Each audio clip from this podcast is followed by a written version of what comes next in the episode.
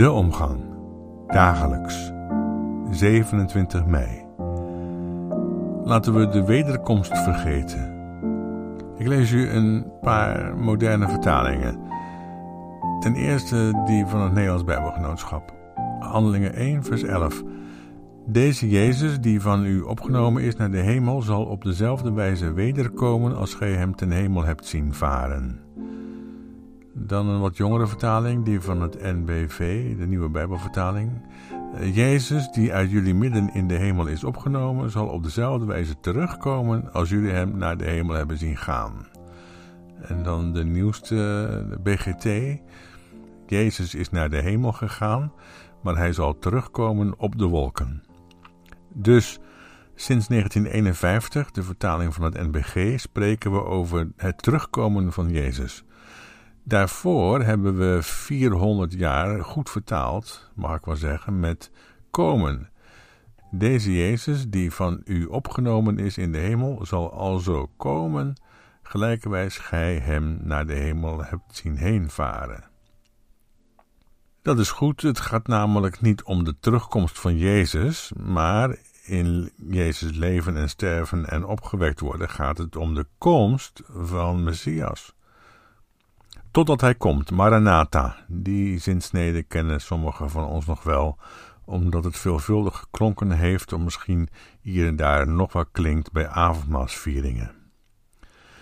En uit de apostolische geloofsbeleidenis, die vroeger eveneens vaak klonk in de protestantse eredienst, kennen de meesten van ons nog wel de zinsnede. Opgevaren ten hemel, zittende ter rechterhand Gods, van waar hij komen zal.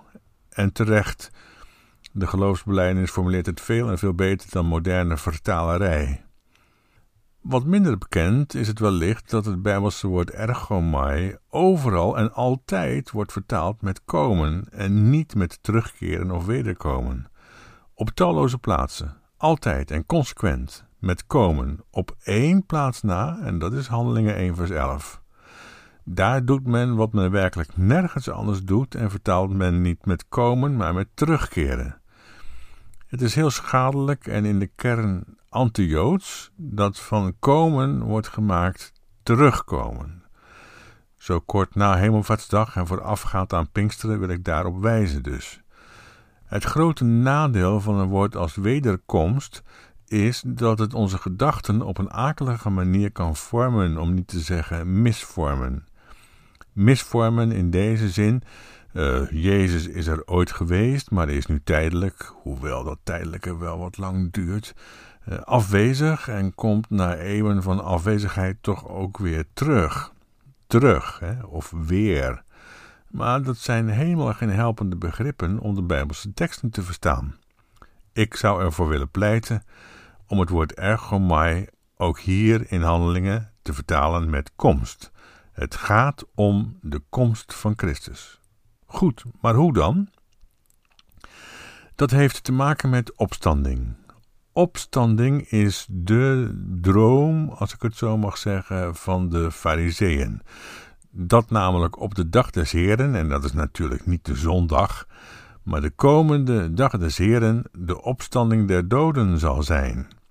Het leerstuk waarin de Fariseeën lijnrecht tegenover de Sadduceeën stonden, die niet in zo'n komende dag van opstanding geloofden. Wat is er dan aan de hand op die dag van de opstanding die komt? Overigens snapt de BGT er helemaal niets van, daar zal ik morgen een zeer sterk staaltje van laten horen. Hemelvaartsdag en ook Pinksteren zijn misschien wel het meest onderschatte feest op de christelijke kalender. Veel mensen trekken er dan op uit om te genieten van een lang weekend, de nieuwe tent of caravan uitproberen, zo mogelijk in de zon. Maar de christelijke gemeente komt al eeuwen bij elkaar omdat er iets bijzonders te vieren is, in het licht. Wat dan? Christus is als leidende knecht, als gekruisigde, opgewekt en ten hemel gevaren. Daarmee wilde de christelijke gemeente van ouds duidelijk maken dat de wereld christelijk wordt geregeerd. Christelijk geloof is niet een wereldbeschouwing of een gedachtengoed. Het is geen theorie die in de praktijk dient te worden gebracht. Christelijk geloof is praktijk. Het is niets minder dan het huldigen van een wereldmacht. De leidende, eh, zo wordt de Messias, de Christus in de Bijbel genoemd, het lam dat geslacht werd, vermoord, koud gesteld, elimineerd. Het lam is reeds, zij het nog verborgen, aan de macht. En met hem alle slachtoffers van slavernij en onderdrukking. De kleinen, die hij de zijnen noemt, zij zijn de behoeders en bewakers van het koningschap van deze Heer. Het gaat met hemelvaart om het vieren dat de wereld christelijk wordt geregeerd. Nu reeds. Let wel, niet christenlijk, geregeerd door de christenen, maar Christuslijk, geregeerd door Christus zelf, messiaans. Weliswaar nu nog in het verborgene, de hemel, maar straks openbaar, zodat een ieder het zal zien. Als hij komt, dan zal alles anders blijken te zijn en zal God zijn alles en in allen. Niet een beetje dus en zelfs niet heel veel, maar alles. En niet in mensen van een bepaalde overtuiging of van een bepaalde kerk of met een bepaalde geaardheid of huidskleur, maar in allen, alles en in allen. Dat te vieren is uh, je liturgisch verbinden met de meest revolutionaire kracht in de Messiaanse geschiedenis. De geschiedenis van de God van Israël met de hele wereld van slavernij. En ik hoop dat we dat doen en blijven doen totdat de Christus, de Messias, komt, dat we zeggen verschijnt. Laten we de wederkomst vergeten. Laten we de komst van de Messias, de komst van de Christus verwachten en dat doen door daarnaar te leven, nu reeds.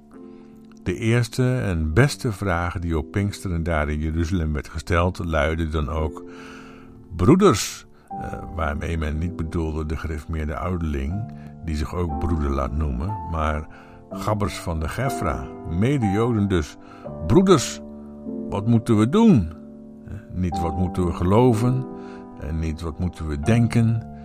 Christelijk geloof is van oorsprong een Joodse, fariseese beweging en was geen wereldbeschouwing.